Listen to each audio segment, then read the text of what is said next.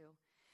And so our cultures aren't that different. We share this challenge of how do we reach our communities for Christ? How do we reach this generation? How do we inspire and raise up leaders for the next generation? And good or bad, I think the burden for turning this thing around is right here. The burden our leaders in this room and leaders back where I live at the church. And I think the effectiveness, um, where we're going to do that is our weekend services. I think it's our church services on Sundays. This session is called Amazing Gatherings because at Eagle Brook, we learned early in our journey that if we were going to reach people far from Christ, our weekends needed to be amazing. When my girlfriend said, Amy, come and see, come and visit, I couldn't help but do that. Um, we learned that we had to get the weekend right because that's when people come to church.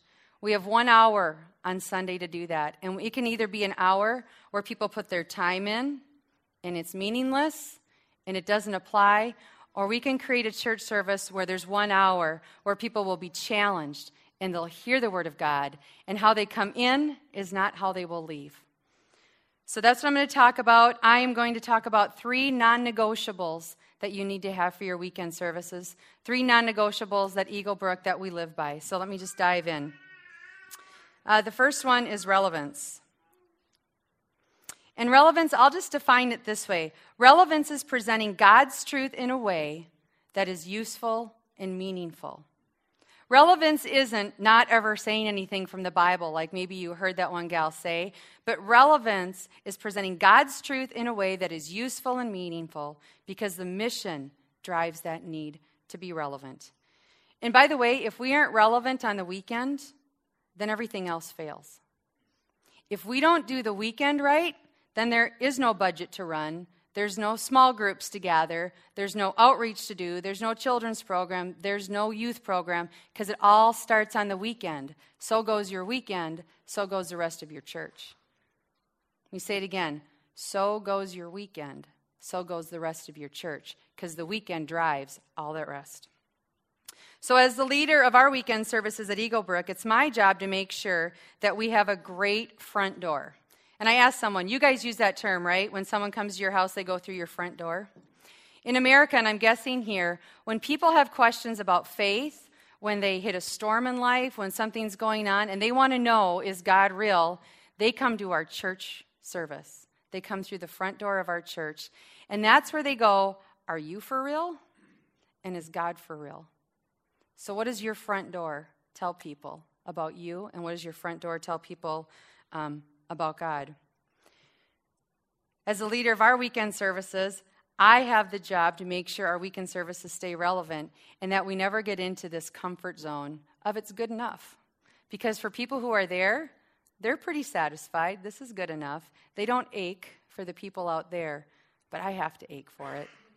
And I have to continue to see our weekends as a front door to our church. For us, it starts with music. We've shown a style that's relevant to our attenders. When people hear music at church, we don't do it in a way that we did it 50 years ago because we're not 50 years ago. It's done in a style that's familiar to our attenders. They should be able to turn off the radio. And we're not doing that song per se, but we're doing songs that are like it. And you saw an example when Steve was leading worship earlier. That's kind of the style that we do. And I will say this do all of our attenders love our style of music? No. They don't all love the kind of music that we do. They don't all love how loud we play it, but they've learned to love our mission. And they love that their kids are there, and they love that their kids' friends are there, and they love that their grandkids love the kids program. They love the mission. They don't always get their preference in everything that they do, but over years of casting vision and staying in love and in close to our vision, um, they've learned to love that we love our mission, and so they will tolerate. And I would say they even start to begin to like the music, right, Gloria? There she goes, yeah. Relevance continues in the teaching. You heard Scott say it before, but we teach on relevant topics and speak to relevant issues. So, topics like Scott said marriage, parenting, relationships, forgiveness, how we can trust God. All biblically based topics that people struggle with in their world. And I don't think a church can grow if you're not teaching on relevant things because it becomes meaningless and people leave. They want to hear it, they want direction, they want to know how this book of the Bible applies to their life. Um, but relevance has a cost. I think it's often easy to be inspired, and I think we can all nod and go, yeah, we need our churches to be relevant. But there is a cost, and Scott, you touched on some of those being willing and available, willing to do whatever it takes. It wasn't easy for a lot of our volunteers and really a lot of our staff to open up Saturday nights. It was fairly easy to add a second service on Sunday. People just stayed a few hours longer. But to raise up a whole new group of people to start kids programming and develop music teams and greeters and things like that on Saturday night was hard um, but that's part of the cost. And being relevant means you have to change things when they're no longer relevant, even the small stuff. We changed things like our church name. We found out that the word Baptist, we did a little survey in our community, and either people didn't know what Baptist meant or it was negative. So we thought we need to change it. And so we came up with Eagle Brook. I don't know what that means either, but it works. Uh, we've changed what our pastor wears. You know, some churches in our area have robes. Well, I don't know if we ever had robes, but we had suit coats. And then we had nice shirts and slacks, and sometimes we wear jeans. Our bands wear jeans. Because when they walk in and Steve starts playing, they go, That's normal. I get that. That's normal. I'm like, You're like me so far, kind of thing. We've changed little things like the look of the worship center. I'm sorry, yeah. We've changed the look of the worship center. We've painted. We've updated things. We've taken out fake trees when they were no longer relevant in our area. We've added different lighting. We want people to walk into the room and go, This looks like a lot of things that I see out there in the community. It's not like I walk through the doors of a church and I'm like, Where am I? This smells like church. It looks like church. We try to be a little bit more like our culture in that area. We also change the look of the bulletin or the program. We take out churchy words. In our culture, that'd be a word like narthex. You've probably never even heard of it because it's not relevant. But that used to be, I think, the area where they gathered. So just updating things that you can't see anymore. You ever go to someone's house and you're like, oh, it kind of smells in here. Do you have that in Norway? We do in America. You see things when you're in a new environment that you become numb to when you're in it all the time. So, having systems and feedback to go, what needs to change? What's not relevant anymore? The key is we looked outside our walls at what the world was doing, and we tried to make our church feel like that.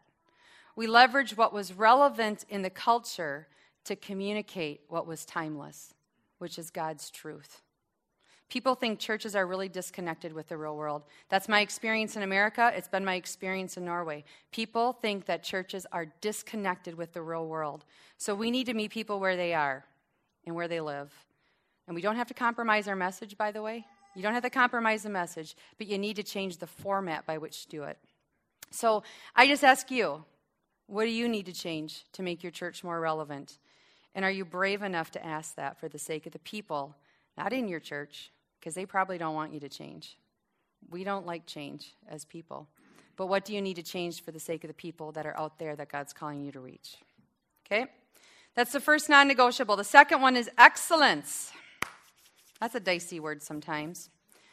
Let me just start with some scripture. In Ecclesiastes, it says, Whatever turns up, grab it and do it, and heartily. This is your first and only chance at it, for there's neither work to do nor thoughts to think in the company of the dead, where you're most certainly headed. I think what he's saying is that once you're in heaven, you're done. There's no more work to do then. You have to do the work now. There's an urgency to it. The time to work hard and with all your might is now. Second Corinthians, but as you excel in everything, in faith, in speech, in knowledge, in all earnestness, and in your love for you, see that you excel in this act of grace. And lastly, in 1 Corinthians, therefore, my beloved brothers, be steadfast, immovable, always abounding in the work of the Lord, knowing that the Lord your that in the Lord your labor is not in vain. Be excellent in all you do. The mission we have is too critical to be mediocre. The mission we have is too critical to be good enough. And you know, God never called any of us to lukewarm ministry. Nothing is good in the Bible when it refers to lukewarm, hot or cold. Um, excellence often gets confused, I think, with perfectionism. And in our world, it gets confused with performance. You're just performing, or you're trying to be perfect. Um, but I think there's some tensions you know, in our world, you know, sometimes our churches do this. Um, are we going to do church for the seeker or are we going to do church for the believer? Do you guys have that tension? Are we going to do church excellence or are we going to be authentic? Are we going to plan the services or are we going to let the Holy Spirit guide them? And we get in these camps, right? We get in these camps. And my question is why does it have to be or? Why can't it be and? Why can't we church do church for the seeker and the believer? Why can't we do church that is excellent and authentic? Why can't we do church with a plan? Because the Holy Spirit is a planner in what he does. And this excellent one, this excellent one gets dicey. God says, Be excellent in all you do. For us, excellence is simply doing the very best we can with what we have. Doing the very best with what we have.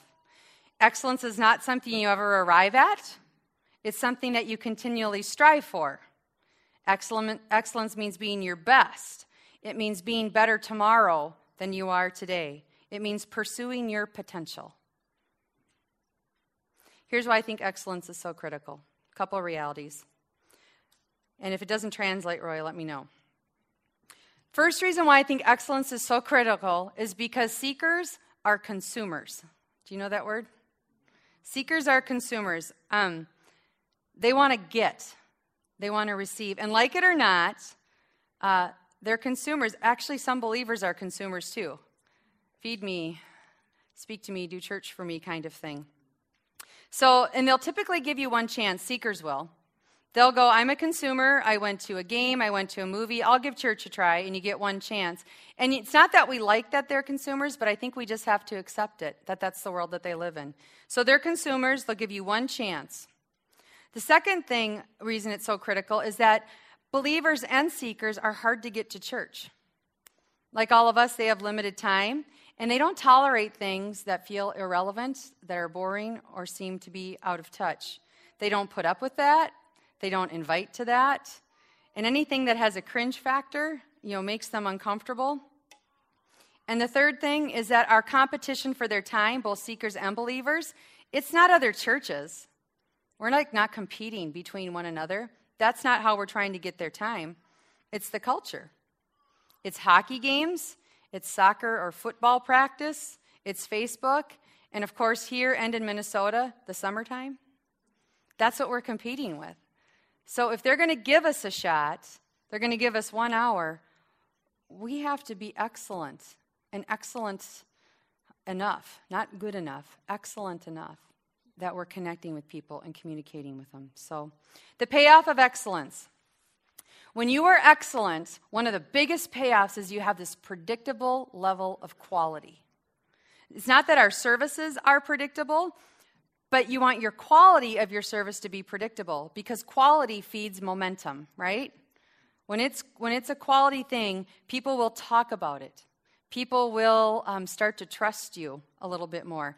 Think about it this way if you've been praying for someone for five years, come and see, come and see, come and see it shouldn't matter what weekend that they come. Because you can't say, come and see this weekend, don't come next weekend. We have this guy from out of town coming in.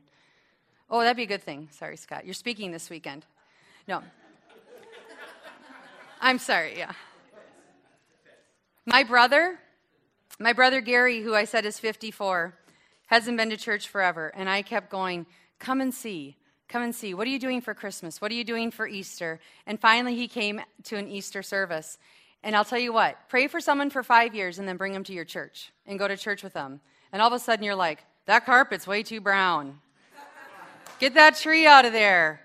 Who's leading worship? Wonder what songs we're doing. Bob better bring it. We've actually had people walk up to Bob and go, My brother's here, don't suck, you know.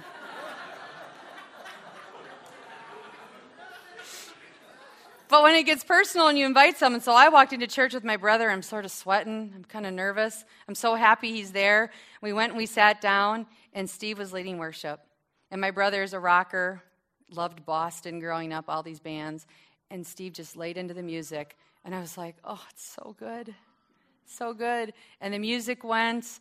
And then we had a greeting, and it was my husband, so that always helps. He was up there doing a couple of announcements. And then we got to this message, and it was as if I said, Bob, my brother's coming tomorrow. Teach on this. But God knew. And Bob presented this message in a relevant way. And my brother, he's not there yet, but after the service, he stood there and looked around, and he just said, I wonder how my life would have been different if I would have grown up at this church. So, when you're excellent, when you're doing the very best with what you've been given, God will bless that. You know, I think about. Um, I think about the bread and the loaves. Remember the young boy who had a little bit of bread and a little bit of fish? And there was this crowd of thousands. And Jesus said, Bring that over here.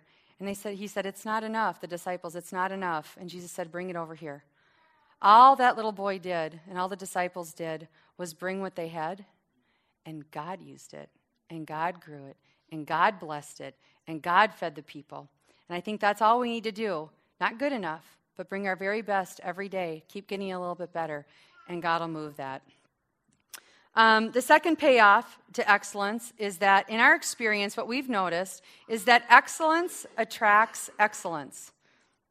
So quality draws quality. And I believe, in our experience, again, as we got better, we started attracting more talented people, more talented musicians. They wanted to be a part of it because they were sort of proud of it.